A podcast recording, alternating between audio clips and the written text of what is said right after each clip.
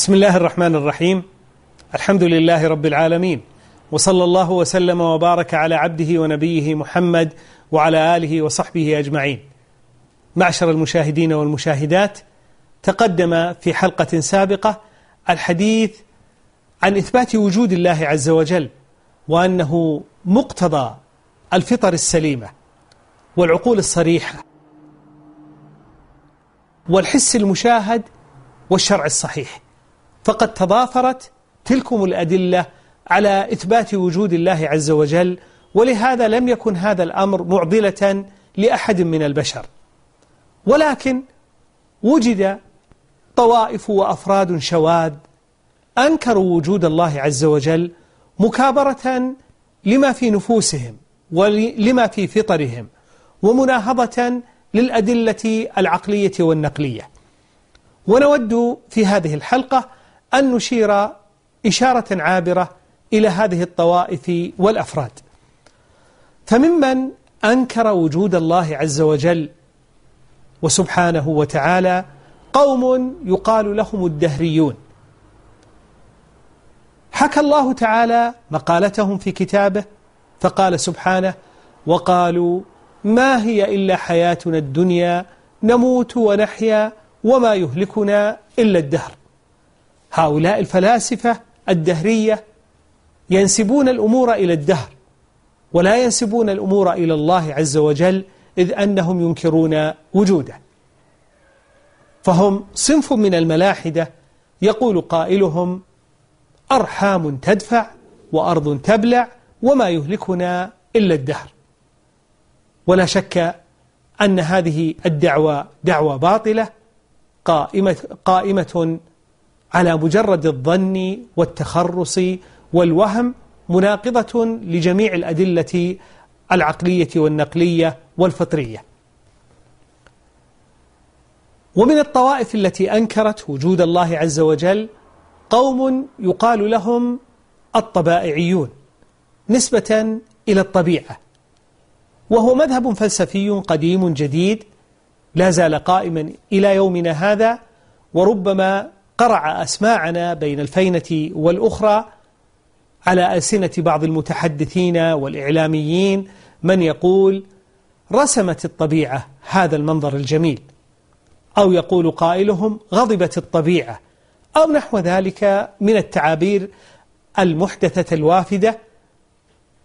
وما ذاك إلا تأثر بهذا المذهب الإلحادي وهو مذهب الطبائعيين الذين ينسبون الأشياء إلى الطبيعة وهذه الطبيعة التي يتكلمون عنها لا يمكن أن تكون إلا ذوات الأشياء فهم يزعمون أن ذوات الأشياء أوجدت نفسها بنفسها وأنها صنعت مظاهرها من ذاتها ولا شك أن هذا أمر يأباه العقل.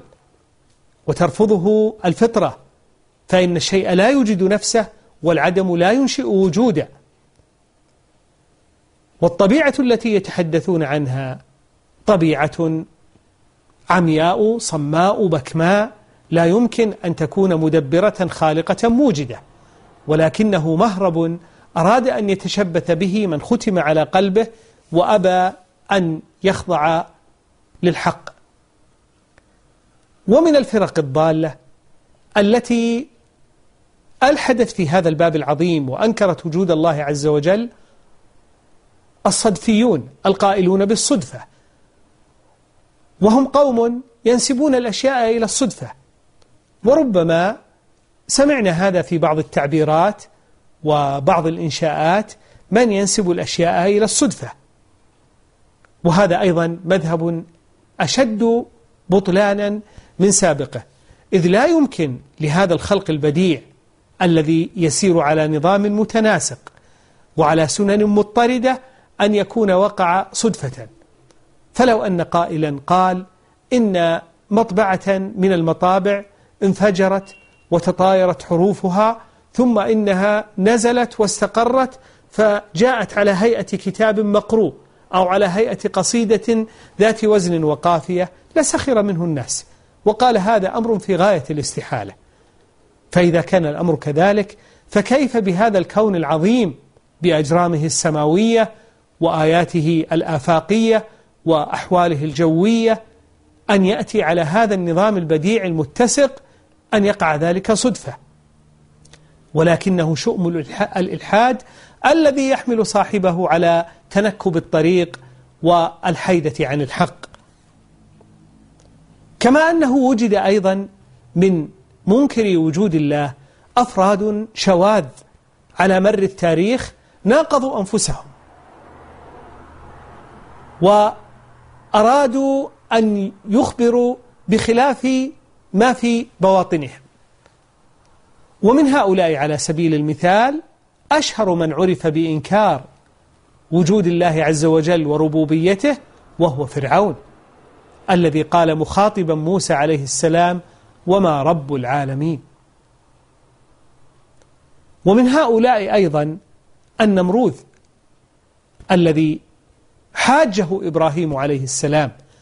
فكان ذلك النمرود يقول أنا أحيي وأميت. وينكر أن يكون ذلك لله عز وجل. لكن إبراهيم عليه السلام أقام عليه الحجة وألزمه بما لم وألزمه بما لم يمكنه الخلاص منه. فقال إن الله يأتي بالشمس من المشرق فأتي بها من المغرب. كما أنه قد وجد من شداد الآفاق في هذه العصور المتأخرة دعاة الشيوعية من أمثال كارل ماركس وغيره ممن قالوا لا إله والحياة مادة. ولهذا لما كان ذلك القول وهذا المذهب منافيا للفطرة ما كان له أن يعيش. فما هي إلا عقود يسيرة من الزمن قام فيها ذلك النظام على قوة الحديد والنار حتى تلاشى واضمحل وانهار كأن لم يكن. وذلك لمنافاته للعقل والفطرة فضلا عن منافاته للدين. فتبين بذلك أن المنحرفين في هذا الباب أعني في باب إثبات وجود الله قوم لا خلق لهم ولا عقل لهم ولا نظر بل إن أقوالهم يمجها العقل لكن لكنهم زوقوها بزخرف القول وبهرج العمل حتى راجت على المفتونين. أما أهل الإيمان فإنهم بغنى بما آتاهم الله تعالى من العقول السليمة والفطر المستقيمة.